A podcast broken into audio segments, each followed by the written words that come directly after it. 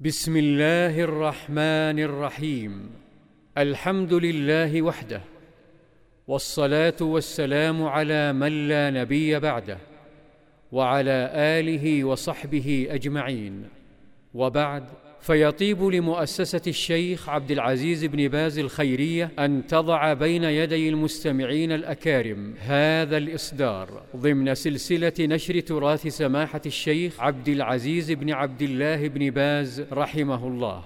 الإصدار الثاني ويحتوي على شرح لكتاب كتاب الصيام من بلوغ المرام للحافظ ابن حجر العسقلاني رحمه الله تعالى. نسأل الله تعالى أن ينفع به من يسمعه وأن يجعله صدقة جارية لسماحة شيخنا رحمه الله والآن نترككم مع هذه المادة. بسم الله الرحمن الرحيم. الحمد لله رب العالمين والصلاة والسلام على نبينا محمد وعلى آله وصحبه أجمعين. أما بعد قال الحافظ ابن حجر رحمه الله تعالى كتاب الصيام. عن أبي هريرة رضي الله عنه قال قال رسول الله صلى الله عليه وسلم لا تقدموا رمضان بصوم يوم ولا يومين إلا رجل كان يصوم صوما فليصم متفق عليه. وعن عمار بن ياسر رضي الله عنه قال من صام اليوم الذي يشك فيه فقد عصى القاسم صلى الله عليه وسلم. وذكره البخاري تعليقا ووصله الخمسة وصححه ابن خزيمة وابن حبان.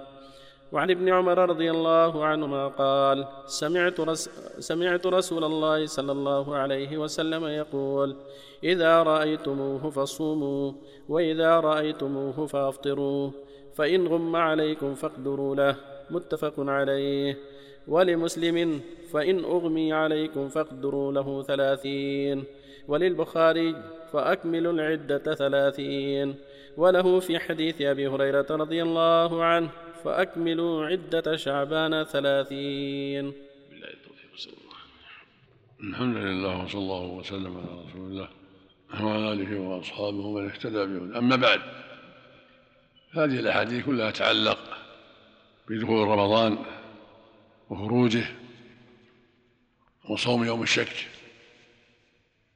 يقول النبي صلى الله عليه وسلم لا تقدم في رمضان صوم يوم ولا يومين. إلا رجل كان يصوم صوما فليصومه. هذا الحديث الصحيح يدل على أنه لا يجوز تقدم رمضان صوم يوم ولا يومين بل يجب الانتظار حتى يثبت الشهر. هذا هو الواجب. وهذه عبادة شرعها الله محددة فليس لأحد يزيد فيها ما لم يشرعه الله.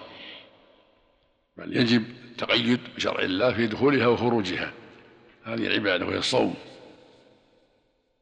إلا رجل له عاد يصوم فلا بأس. مثل يصوم الاثنين والخميس. فصادف يوم الخميس أو الاثنين آخر الشهر آخر شعبان فلا بأس أن يصوم بنية حاجته صوم الاثنين والخميس. أما أن يصوم من أجل رمضان لا حتى يثبت الشهر أو تكمل عدة شعبان أما ثبوت دخول الشهر بالرؤية أو بإكمال عدة شعبان ولهذا جاء في حديث ابن عمر صوموا رؤيته وأفطروا رؤيته فإن غم عليكم فاقدروا له. فاقدروا له ثلاثين. لو الآخر فاكملوا العدة. في حديث أبي هريرة فاكملوا عدة شعبان كل هذا يدل على وجوب إكمال العدة. ولا يجوز لأحد أن يصوم بالشك. بل إما بالرؤية ثابتة وإما بإكمال العدة ثلاثين في شعبان في رمضان في القعدة جميع الشهور التي يحتاج الناس للتثبت فيها لابد من التثبت. دخول ذي الحجة لأجل الحج ودخول رمضان لأجل الصوم ودخول شوال لأجل الفطر. تجب العناية بها حتى يكون الناس على بينة. ومن صام اليوم اللي يشك فيه قد عصى ابا القاسم صلى الله عليه وسلم كما قال عمار. مثل قول أبي هريرة لما رأى رجل خرج بعد الأذان قال اما هذا وقد عصى ابا القاسم المقصود لا يجوز كونه يتعمد صوم يوم الشك وهو يوم الثلاثين سواء كان السماء مصحية أو كانت غيبة لا فرق. وكان ابن عمر رضي الله عنه يصوم إذا كان غيم والصواب عدم الصيام. وهذا الاجتهاد الذي فعله ابن عمر رضي الله عنه ليس بصواب والصواب أن المسلمين ينتظرون حتى يثبت الشهر بالرؤية أو بإكمال العدة في جميع البلدان هذا هو الواجب لأن الحديث الصحيح صريح في المقام فالواجب الأخذ به والتمسك به. في رمضان لابد تكمل عدة شعبان ثلاثين أو رؤية الهلال ليلة ثلاثين فيصومون. والله جل وعلا أوجب على عباده الصوم وبين لهم حدوده فالواجب التقييد بالحدود التي حدها سبحانه على لسان النبي صلى الله عليه وسلم. ويأتي أنه يقبل فيه واحد كما يأتي في حديث عمر إن شاء الله. يأتي أنه يقبل في الدخول رجل واحد. ويأتي أنه إذا انتصف شعبان يمنع الصوم. سدا لذريعة الزيادة في رمضان. يأتي الكلام على هذا إن شاء الله. وفق الله الجميع. إن عادة لا بأس يصومها. إذا كان عادة يصوم الأثنين والخميس أو يصوم يوم ويفطر يوم وافق يوم صمه يوم صومه يوم الثلاثين من شعبان يصوم بنية العادة. مو بنية رمضان. قول النبي صلى الله عليه وسلم صوموا لرؤيتي وافطروا خطاب لعموم المسلمين أو لكل أهل البلد يعني. الصواب ان عموم المسلمين. لكن ذهب بعض أهل العلم ان لكل أهل رؤيتهم فلا بأس. قال قال في جمع قال بجمع أهل العلم يأتي البحث إن شاء الله. وهو قول ابن عباس وجماعه رضي الله عنهم. لكن الأصل في الأصل في خطابات الشارع العموم. هذا هو الأصل. خطاب الله في القرآن وخطاب الرسول. الأصل فيه العموم. ومن قيد فعليه الدليل. لكن الشيخ بعض المسلمين في بعض الأقطار بعض البلدان الكافره في الأرض هل مثلا يرتبطون ببلد معين؟ اذا ما شافوا يرتبطون بالرؤيه التي راها غيرهم. نعم. أحسن الله عليكم شيخ. حديث أن يتقدم رمضان بصوم يوم ولا يوم.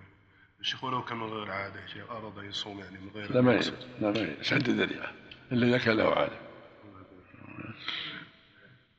هل صوم رمضان بالمجهر من رأى بالمجهر الهلال إذا كان رأى بعينه ولو بالمجهر إذا كان بعينه.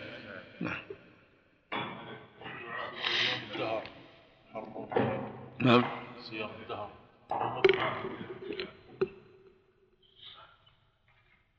ظاهر الحديث المنع والنبي صلى الله عليه وسلم لا صام من صام الدهر. لا صام ولا أفطر. هذا معناه إنه لا ما الصيام نسال الله. السلامه أفضل الصيام أن يصوم يوما ويفطر يوما كما قال النبي لعبد الله بن عمرو. فلما سأله عبد الله أني أريد أفضل منه قال لا أفضل من ذلك. وأخبر صلى الله عليه وسلم هذا هو صوم داود النبي عليه الصلاة والسلام. كان يصوم يوما ويفطر يوما؟ عليه الصلاة والسلام. يؤجر عليه شيخ؟ نعم. يؤجر عليه؟ من هو؟ من اللي يؤجر؟ إذا صام الدهر يأثم وهو يؤجر. يأثم لا يؤجر. خالف السنة. الحديث أحسن الله أنه ضعيف. نعم. نهي الرسول عليه السلام بعد صيام منتصف شعبان أنه ضعيف. لا ما هو ضعيف صحيح. نعم. نعم. الله عنك. المفارقات التي تكون على جعل فيها تفصيل يا أبوي فيها تفصيل. وهذا محله نعم. قال الحافظ ابن حجر رحمه الله تعالى في كتاب الصيام وعن ابن عمر رضي الله عنهما قال تراءى الناس الهلال. فأخبرت رسول الله صلى الله عليه وسلم أني رأيته فصام وأمر الناس بصيامه. رواه أبو داود وصححه ابن حبان والحاكم. وعن ابن عباس رضي الله عنهما أن اعرابيا جاء إلى النبي صلى الله عليه وسلم فقال إني رأيت الهلال. فقال أتشهد أن لا إله إلا الله؟ قال نعم. قال أتشهد أن محمدا رسول الله؟ قال نعم. قال فأذن في الناس يا بلال أن يصوموا غدا. رواه الخمسة. وصححه ابن خزيمة وابن حبان. ورجح النسائي إرساله. وعن حفصة أم المؤمنين رضي الله عنها عن النبي صلى الله عليه وسلم قال من لم يبيت الصيام قبل الفجر فلا صيام له. رواه الخمسة. ومال النسائي والترمذي إلى ترجيح وقفه. وصححه مرفوعا ابن خزيمة وابن حبان. وللدار قتني لا صيام لمن لم يفرضه من الليل. صلى الله وسلم على رسول الله وعلى آله وأصحابه من اهتدى بهدى أما بعد هذه الأحاديث الثلاثة تعلق بإثبات دخول شهر رمضان وبنية الصوم من الليل. حديث ابن عمر يقول ترى يقول ترى الناس الهلال فأخبرت النبي صلى الله عليه وسلم رأيته فصام وأمر الناس بالصيام. يدل على أن رمضان يثبت بالواحد العدل. لأن رمضان عبادة صوم عبادة. فتثبت بالعدل الواحد احتياطا للمسلمين وحرصا على أداء العبادة. كما يثبت دخول وقت الصلاة بالأذان وهو واحد لأن العبادات يحتاط لها ويحرص على الدخول فيها من أولها حتى لا يفوت منها شيء. ولهذا لما رآه ابن عمر أمر النبي صلى الله عليه وسلم بالصيام وهكذا حديث ابن عباس في الأعرابي اللي دخل الذي أخبر النبي صلى الله عليه وسلم أنه رأى الهلال. وسأله النبي هل يشهد أن لا إله إلا الله وأن محمدا رسول الله؟ فقال نعم. فأمر بتنفيذ رؤيته. والقاعدة أن الصحابة عدول رضي الله عنهم. الصحابة متى ثبت في الصحبة فهم عدول كلهم بإجماع أهل السنة والجماعة. فإذا رآه واحد عدل ثبت دخول رمضان. وعلى المسلمين أن يصوموا وعلى ولي الأمر أن ينبه بذلك. أما الخروج فلا بد من شاهدين وهكذا بقية الشهور. بقية الشهور لا بد فيها من شاهدين عدلين. لما جاء في حديث عبد الرحمن بن زيد بن الخطاب رضي الله عنهما أنه جالس أصحاب النبي صلى الله عليه وسلم وأخبروه أن النبي صلى الله عليه وسلم قال إذا شهد شاهدان فصوموا وأفطروا. حديث الحارث بن حاطب امير مكه النبي صلى الله عليه وسلم أمرهم أن يصوموا وينسكوا بشهادة عدلين ويفطروا كذلك. فالحاصل أن العدلين يثبت فيما جميع الشهور. أما العدل الواحد فلا يثبت به إلا دخول رمضان فقط احتياطا للعبادة وحذرا من إضاعتها. والحديث الثالث حديث حفصة أم المؤمنين. رضي الله عنها بنت عمر بن الخطاب أنها روت عن النبي صلى الله عليه وسلم قال من لم يبيت الصيام قبل الفجر فلا صيام له. ويعضده في المعنى قوله صلى الله عليه وسلم إنما الأعمال بالنيات وإنما لكل امرئ ما نوى. فلا يكون صام رمضان إلا بنية. فإذا دخل رمضان ولم يبيت النية ما صام. الصيام عليه واجب. الصيام واجب على المسلمين المكلفين. فلا بد من نية الصوم الذي أوجبه الله عليه قبل طلوع الفجر. أما النافلة فأمرها أوسع كما يأتي في حديث عائشة إن شاء الله. النافلة له أن يصوم من أثناء النهار. أما الفريضة كرمضان والكفارات والنذر فهذا يكون من الليل. لا بد من التبييت والنية المقدمة. قبل طلوع الفجر لحديث حفصة ومع مع عموم حديث إنما الأعمال بالنيات متفق على صحته وأدلة أخرى في النية. وفق الله الجميع. نعم. بالنسبة للمرأة دورات يا أخي لا والأظهر أنها لا, أنها لا تكفي. بعض الفقهاء قال تكفي لكن الأظهر لا تكفي. يعني هذه أمور عظيمة أمور دينية. لم يثبت فيها إلا الرجل. حديث بلال حديث ابن عباس والأعرابي وحديث ابن عمر. والقياس على الأذان نعم. ما يكون من باب الرواية الله الرواية الأحاديث غير. هذه إثبات وقت. أما الرواية تقبل في الرواية. نعم. المجهر يكفي الله نعم. المجهر إذا رأى بعينه وصل المجهر ولا غير المجهر إذا رأى بعينه. ثبت. الله عليك يا شيخ. النية لكل يوم ولا للشهر جميع؟ لكل يوم. الصواب لكل يوم. لكل يوم. هذا هذا الأرجح. نعم. الله عليك بعض الناس يقول قبل اللهم الصمت هل في ذلك شيء؟ في حديث ضعيف. إذا قال فلا حرج لكن مو صحيح. الحديث ضعيف. اللهم لك الوارد معناه صحيح. صم لله وأفطر لله. ولكن الحديث ما يقال سنة يقال جنس الدعاء سنة. جنس الدعاء عند الإفطار سنة. يرجى قبوله. يعني الله إليك قبل أذان الفجر؟ يعني قبل أذان الفجر لا إليك عند الإفطار وعند كل واحد عند الإفطار وعند الصوم. إذا قاله لا بأس لكن مو هو سنة ما يقال سنة. يقال جائز. العبرة في وقت الرؤية يعني لو رأوه من- في النهار ماذا يكون؟ العبرة بعد الغروب من ليلة الثلاثين. اللي قبله ما عليه عبرة. ولو, ولو في الليل أحسن الله إليك الساعة الحادية عشر ليلا يعتبر. ما يعتبر إلا بعد الغروب. في ليلة المساء 29 أحسن هذا سؤال نعم. يقول السائل هل مشاهدة التلفزيون وما تبثه الأق- الأقمار الصناعية أو ما يعرف بالتشوش ينقص في الصيام؟ هذا منكر. مشاهدة الأفلام الخبيثة من التلفاز أو الدشوش ما يجوز. للصائم وغير الصائم. لكن ما يبطل الصوم. مشاهدة المنكر ما يبطل الصوم. لكن يأثم سواء كان في دش أو في في تلفاز أو في يد الناس في بين الناس اللي جالسين نعم. جزاكم الله خير وهذا سؤال آخر يقول صائم يعد من الشر. يعد من الملاهي أو من رؤية المنكرات كالنساء الكاسيات العاريات وما أشبه ذلك. لأنه مما يستلذ به لا لأنه منكر مو بس. ولم تستل تأكل التمر تستلذ مو منكر. لكن إذا رأى المنكر لو ما استلذ به إذا شاهده لازم إلا إذا أنكره. مم. جزاكم الله خيرا.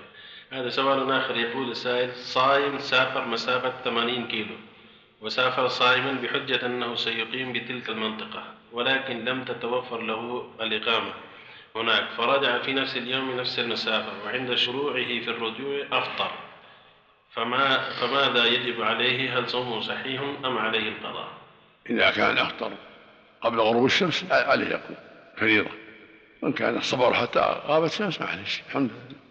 إليك هذا شخص علق قال إن إذا سافرت فسوف أفطر وتسحر. فلما أصبح ذهب فلما خرج إلى البلد عن البلد رجع.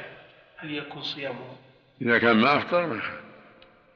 إذا كان ما أفطر ما عزم ما ما نفذ ما قال الحمد لله. ما يفطر بنية التعليق أحسن نعم. ما يفطر بنية التعليق؟ لا لا التعليق لا. يفطر بداية الإفطار بعد بعد الفجر. إذا نوى الإفطار أفطر عند جمع من أهل العلم. أما قال سأفطر ولكن ما ما نفذ ما نوى الإفطار بعد الصبح. طبعا يعني مجرد النية ما هذا النية قبل قبل دخول الفجر. أما إذا نوى بعد الفجر فالأحوط له أنه يقضي إذا كان فريضة. ها؟ إذا كان فريضة ما يصح. لو بنية جازمة. أما النافل أمره أوسع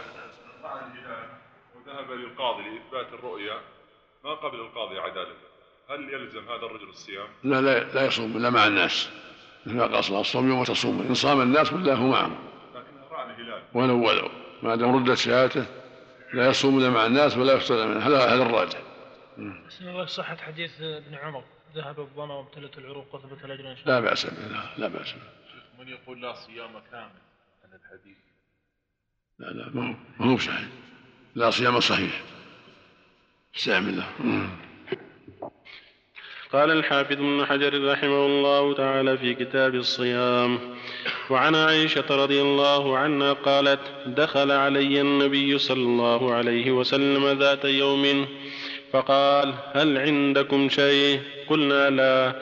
قال فإني إذا صائم ثم أتانا يوما آخر فقلنا أهدي لنا حيس فقال أرنيه فلقد أصبحت فلقد أصبحت صائما. فأكل رواه مسلم. وعن سهل بن سعد رضي الله عنه أن رسول الله صلى الله عليه وسلم قال لا يزال الناس بخير ما عجلوا الفطر.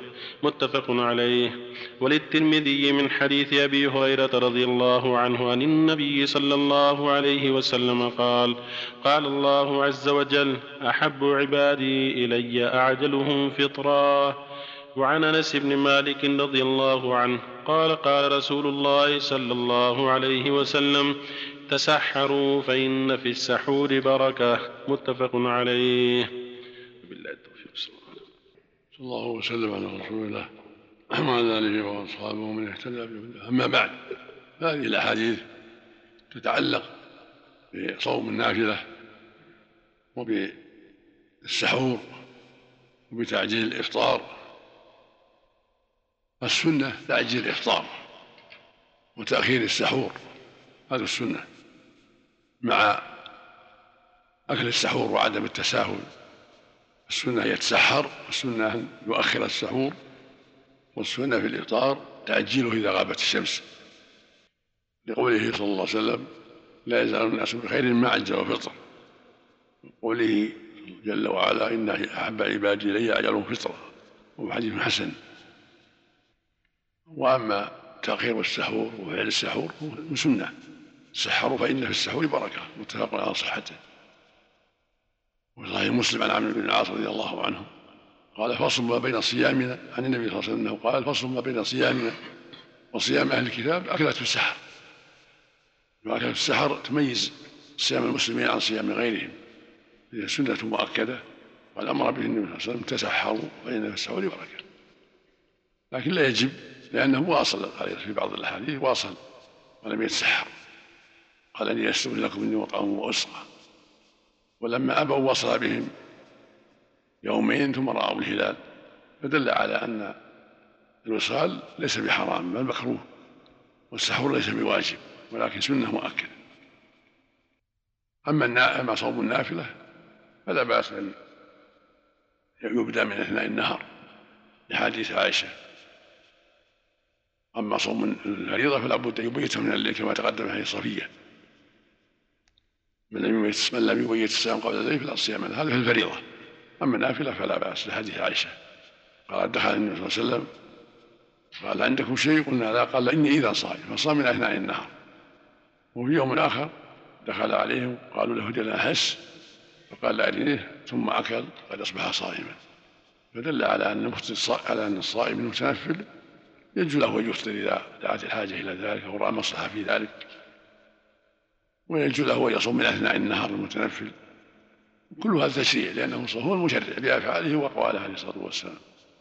ففعله هذا يبين للأمة جواز الأمرين جواز استمرار في الصوم النافلة وجواز إفطاره. وفيه أيضا جواز صوم من أثناء النهار في النافلة كالضحى والظهر لا بأس. ويكون له الأجر منهن والصوم. لقوله صلى الله عليه وسلم بالنيات وفق الله الجميع النية لين الظهر فقط إذا أراد ينوي حده إلى الظهر من من حين بدأ الصوم سواء الظهر ولا الضحى. من حين بدأ له أجر الصائمين سواء بدأه قبل الزوال أو بعد الزوال. ولو إلى العصر إذا صام حتى الظهر نعم. ولو إلى العصر إذا صام ثم أفطر له أجر ما صام فقط. شخص نام فاستيقظ العصر تناول الصيام. نعم. شخص نام فلم يقم إلا العصر. له, له أجره من النوى بس فقط. نعم. ما يصير ما يصير له فضلها الا إذا صامها تامه حتى يحصل له فضلها تامه ولو سو... لو نواها من النهار ما حصل له إلا بعض الصوم بعض الأجر. نعم. كأنما صام صام الدهر كله. ماذا نقول؟ يصومها من من من الليل. لو صامها من أول النهار. ما يصير ما تصير تامه تصير ناقصة. ما أداها على الوجه المطلوب. نعم. إذا سحر الإنسان ثم شرب بعدها إذا كان في متسع ثم النواة ثم شرب هل في شيء؟ ما يضر ما يضر ولو يوصل ما دام بقي له له أن يأكل له ويشرب ولو نوى الإمساك حتى يطلع الفجر. هذه بعض الأسئلة يتعلق بالموضوع. نعم.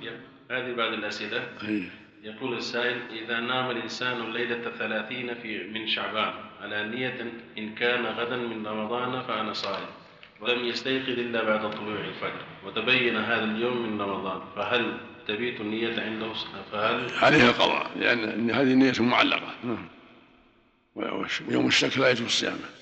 جزاكم الله خير. سؤال آخر يقول عندما يستاك الصائم في يوم من أيام الصوم بمسواك رطب فإنه يحس في فمه ببعض الطعم في ذلك المسواك فيصب عليه لفظ هذا اللعاب إما لكثرته أو لوجوده في المسجد فما الحكم في ذلك؟ السواك ما يضر الصوم. السواك ما يضر الصوم مشروع للصائم يصوم الصائم يستاك وغير الصائم. وما يحس من الطعام ما يضر هذا شيء معفو عنه. نعم. جزاكم الله خيرا. وهذا سؤال آخر يقول رجل كان ينتظر الإفطار مع أبنائه فجاء أحد أولاده الصغار وقال يا أبي لقد لقد أذن المؤذن. فأفطر الأب دون التأكد, دون التأكد في من الخبر. وبعد مدة أذن المؤذن. فهل صومه صحيح أم عليه قضاء؟ إنسان إذا كان فرض عليه قضاء كان نافلة لأنه أولا الصبي لا يعتمد عليه الصغير. في مثل هذا. ثم أيضا بان خطأ بان أنه أخطأ وأنه بقي قد بقي نهار فعليه القضاء. تسمع أحسن الله إليك تسمع اخترنا عهد رسول الله صلى الله عليه وسلم هذا على على ثبوت أنه يعني اللي أخبرهم ثقة معذورون. لكن لما بانت الشمس مثل ما قال عروة وهل فيها من عروة هل بد من قضاء؟ الجمهور عليه القضاء إذا بان أنهم أفطروا قبل غروب الشمس عليهم القضاء بعض الناس يؤذن فإذا أفطرت تبين أنه خطأ. هذا وقع. الشيء يسير دقيقة دقيقتين ما يضر لكن إذا علم أن الشمس ما غابت وأن أكل قبل الغروب يقضي. ولو أذن مؤذن؟ إيه. إذا ثبت أنه أكل قبل الغروب يقضي. من الأثر. أو أو ثبت أنه أكل بعد طلوع الفجر على عند الجمهور يقضي احتياطا. خروجا من خلاف. من الأثر أن العبد لا يدرك في حسن الخلق درجة الصائم القائم الذي يصوم النهار ويقوم الليل. ما أتذكر هذا أقول ما أتذكر هذا. في أثناء النهار يلزمها الإمساك مع القضاء. في رمضان؟ إيه نعم. يلزمها الإمساك وتقضي. مثل المسافر إذا قدم في النهار في بلده يلزمه الإمساك ويقضي. لأن العلة زالت. ما فائدة إمساك لأنه يوم يوم إمساك يوم صيام. مثل اللي أصبحوا مصبرين مفطرين ثم ثبت الهلال. البارحة أن يمسكون ويقضون. جاءت البينة الضحى وشهدوا بينهم ورأوا الهلال البارحة. إذا كان مريض أحسن يقضون يمسكون ويقضون إذا كان مريض وأفطر أول النهار تبين أنه يستطيع الصيام يمسك. يمسك يمسك ويقضي ما ما بلغني قال الحافظ ابن حجر رحمه الله تعالى في كتاب الصيام وعن سلمان عن وعن سليمان بن عامر الضبي. وعن سلمان بن عامر الضبي عن النبي صلى الله عليه وسلم قال إذا أفطر أحدكم فليفطر على تمر فإن لم يجد فليفطر على ماء فإنه طهور. رواه الخمسة. وصححه ابن حبان وصححه ابن خزيمة وابن حبان والحاكم. وعن أبي هريرة رضي الله تعالى عنه قال نهى رسول الله صلى الله عليه وسلم عن الوصال فقال رجل من المسلمين فإنك تواصل يا رسول الله. فقال وأيكم مثلي؟ إني يبيت يطعمني ربي ويسقيني. فلما أبوا أن ينتهوا عن الوصال واصل بهم يوما ثم يوما ثم رأوا الهلال. فقال لو تأخر الهلال لزدتكم. كالمنكل كالمنكل لهم حين ابوا ان ينتهوا. متفق عليه. وعنه رضي الله عنه قال قال رسول الله صلى الله عليه وسلم من لم يدع قول الزور والعمل به والجهل فليس لله حاجة في أن يدع طعامه وشرابه. رواه البخاري وأبو داود واللفظ له. الحمد لله صلى الله وسلم على رسول الله وعلى آله وأصحابه من اهتدى بهداه أما بعد هذه الأحاديث الثلاثة. تعلق بالصيام. الحديث الأول يقول عليه الصلاة والسلام حديث سلمان بن عامر الضبي الصواب من سلمان كما في كتب الرجال كتب الصحابة غيرها بعض نسخ البلوغ سليمان هو غلط. أن النبي صلى الله عليه وسلم قال إذا أفطر أحدكم فليفطر على تمر. فإن لم يجد فليفطر على ماء فإنه طهور.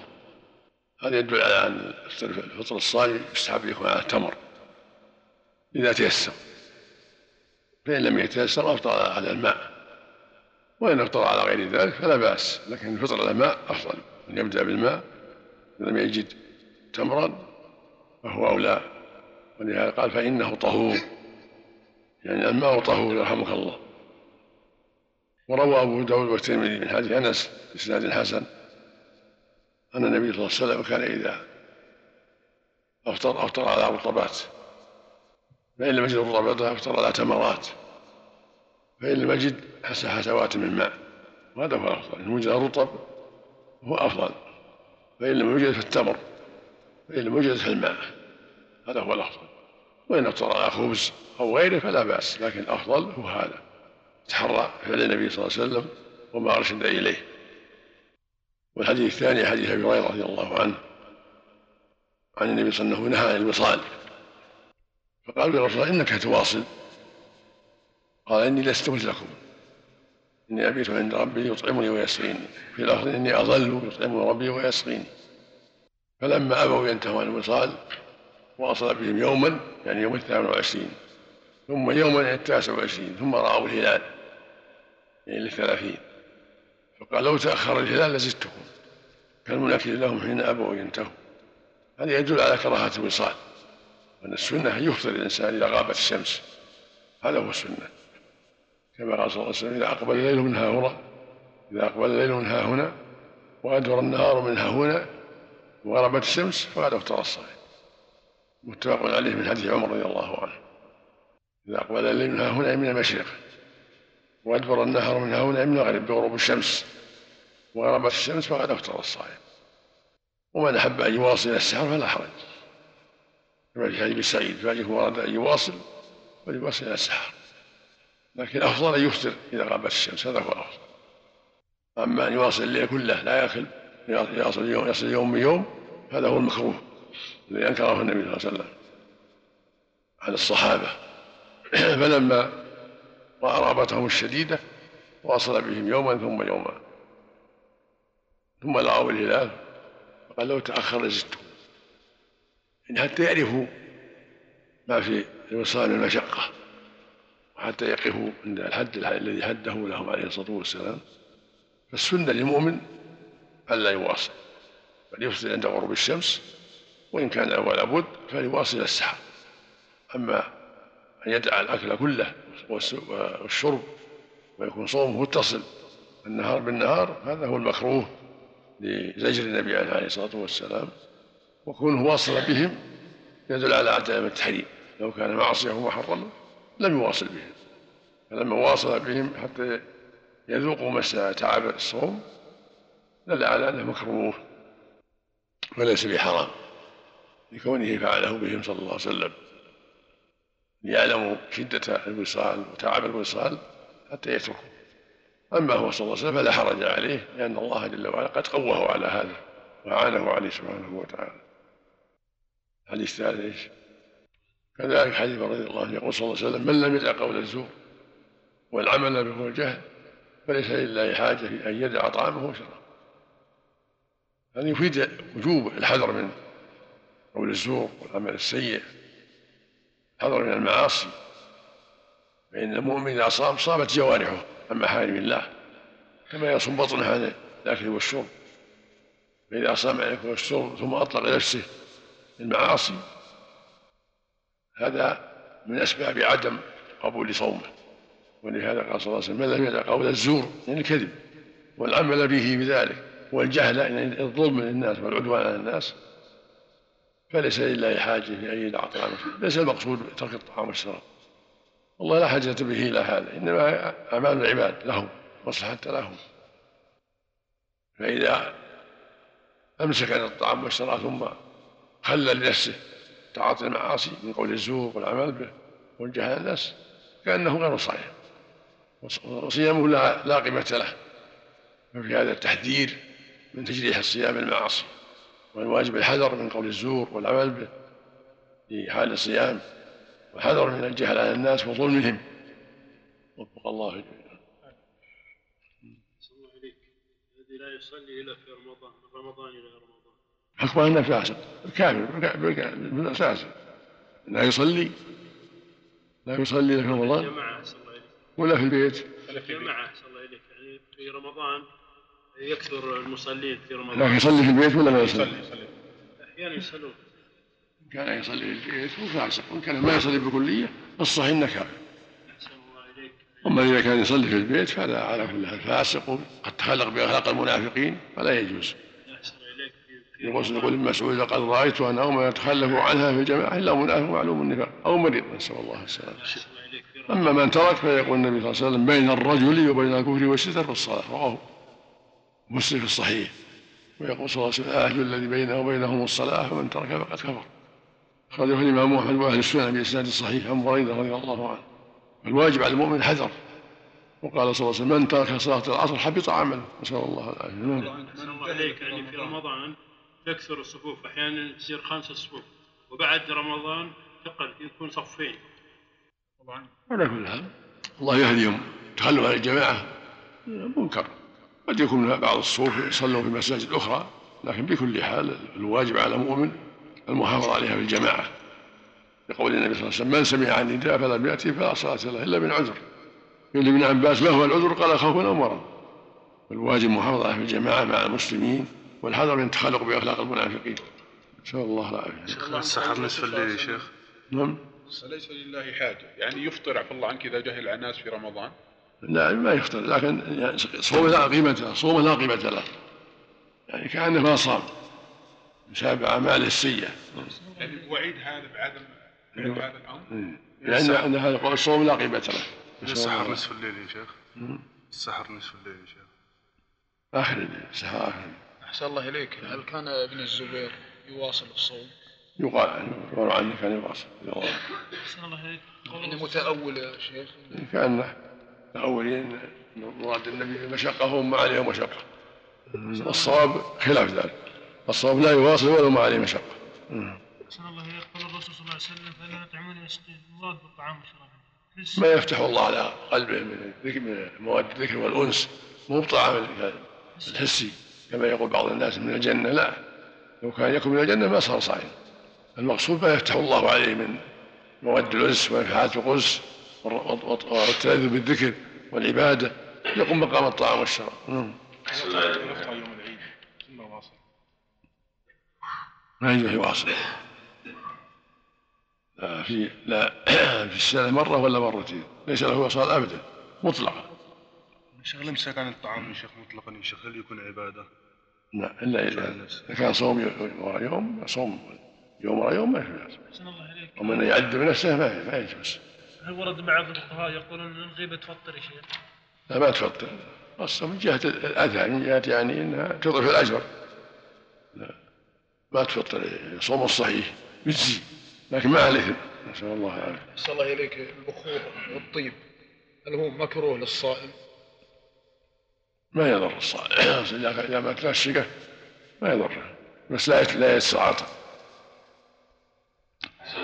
هذه بعض الأسئلة.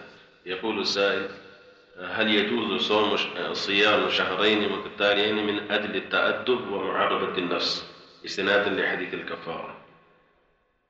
النبي كان يواصل شعبان مع رمضان في بعض الأحيان. السنة المؤمن إذا كان ولا بد يصوم يوم ويفطر يوم هذه السنة. فإذا واصل شهر, شهر واحد غير رمضان لا بأس كما فعله النبي صلى الله عليه وسلم.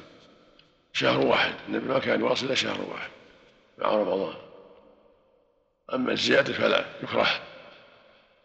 يعني صيام من التأدب. هذا من السنة؟ نعم. صيام شهر شعبان كامل. نعم. من فعل هل هذا؟ نعم نعم. هذا من التأدب ومعاقبة النفس. نعم. صيام شهرين متتاليين من أجل التأدب ومعاقبة النفس. لا ما يصلح. الله جل وعلا أرحم بعباده منهم منهم بأنفسهم. لا يعاقب نفسه إلا بالمشروع. لا يعاقبها بغير المشروع. النبي صلى الله عليه وسلم أنكر على من وعصى الدهر وقال لا صام ولا أفطر لا صام ولا صام الأبد. ولما سأله عبد الله بن عمرو قال يا رسول الله إني أطيق أفضل من ذلك. أفضل من صوم يوم فطر يوم قال لا أفضل من ذلك. نعم. أحسن الله إليك. هل كان الرسول صلى الله عليه وسلم يصوم شعبان كل سنة أو صامه مرة واحدة؟ لا كان يصوم كل سنة. ربما صام كله ربما صامه إلا يومين ثلاثة في آخره. نهي الرسول عن صوم نصف شعبان يا شيخ؟ للي يبتدي؟ للي يبتدي الصوم بعد الصوم ومن صام من أوله واستمر أو صام أكثر فلا بأس. طيب ما يقع هذا ب- ب- يوم الشك يصوموه عفى الله عنك اللي بيتابع. إيه، إن صام من من أول شعبان فلا بأس أو صام شعبان كله لا بأس. المنهي عن- المنهي عنه يكون يصوم آخر شعبان أو من بعد النصف هذا منهي عنه. أما إذا صام أكثر شعبان أو كل شعبان فلا بأس. بل. سنة. لو إذا بلغه الدليل متأخر في نصف شعبان وبدأ في الصيام في نصف شعبان. يعني بدأ من النصف إيه نعم. يمنع. يعني وصله الحديث توه واصل الحديث في نصف شعبان. يفطر يفطر يجب عليه. يفطر جزاكم الله خير. هذا سؤال آخر يقول ما هو ما هو صيام الدهر؟ وهل يجوز الصيام أيام متتالية؟ إسنادا لحديث استنادا لحديث الذي فيها فيما معناه أن النبي صلى الله عليه وسلم كان يسأل أهله عن الإفطار فإذا لم يجد ينوي الصيام. وهل يجوز لي الصوم لظروف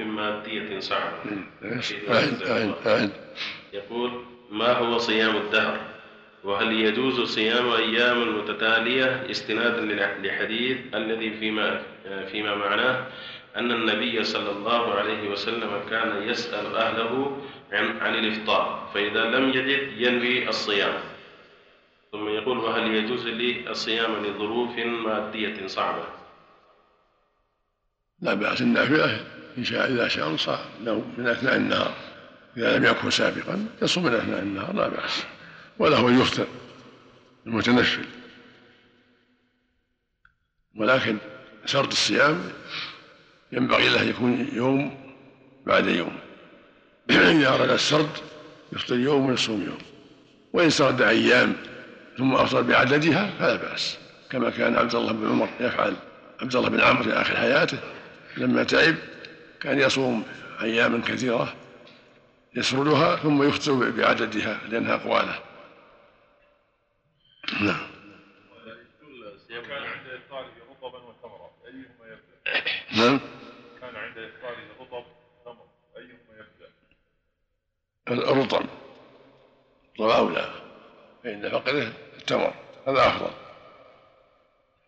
سنة يا عن صيام الدهر مكروه صوم الدهر مكروه أو محرم. بين التحريم والكراهة الشديدة. يطلب تعريفه نعم. يطلب التعريف. يطلب التعريف يا شيخ. يعني ما يفطر يصوم أكثر ولا ما يفطر يصوم دائما. هذا صوم الدهر. الصوم من الظروف المادية صعبة يقول نعم. ما حكم يصوم الصوم يوم الاثنين وخميس حال يصوم يوم يفطر يوم. ما في بأس. لا بأس. نعم. بالنسبة للإفطار على الرطيبات سنة يا شيخ. نعم. بالنسبة للإفطار على الرطيبات سنة؟ الرطب. الرطب. إذا نعم. تيسر إذا تيسر أفضل. ما يفعله بعض الناس ما يسمى بالرجيم الصوم هذا عشان يخففون من شحوم أجسامهم هل له وجه؟ منزل إذا نفع ما في بأس سم؟ إذا نفع إذا نفع يصوم لله ويرى يرى أنه علاج أيضا نعم. اي نعم لا مثل ما قال صلى الله عليه وسلم في الصيام. نعم. حديث صوم تصح هذا صحيح جاء صوم الصحو نعم. صحيح. نعم لا بأس به نعم. سافروا تغنموا نعم. سافر تغنموا في بعضها سافر الصحو في بعضها صوم تصحوا في بعضها سافر تغنموا ولا بأس به. نعم.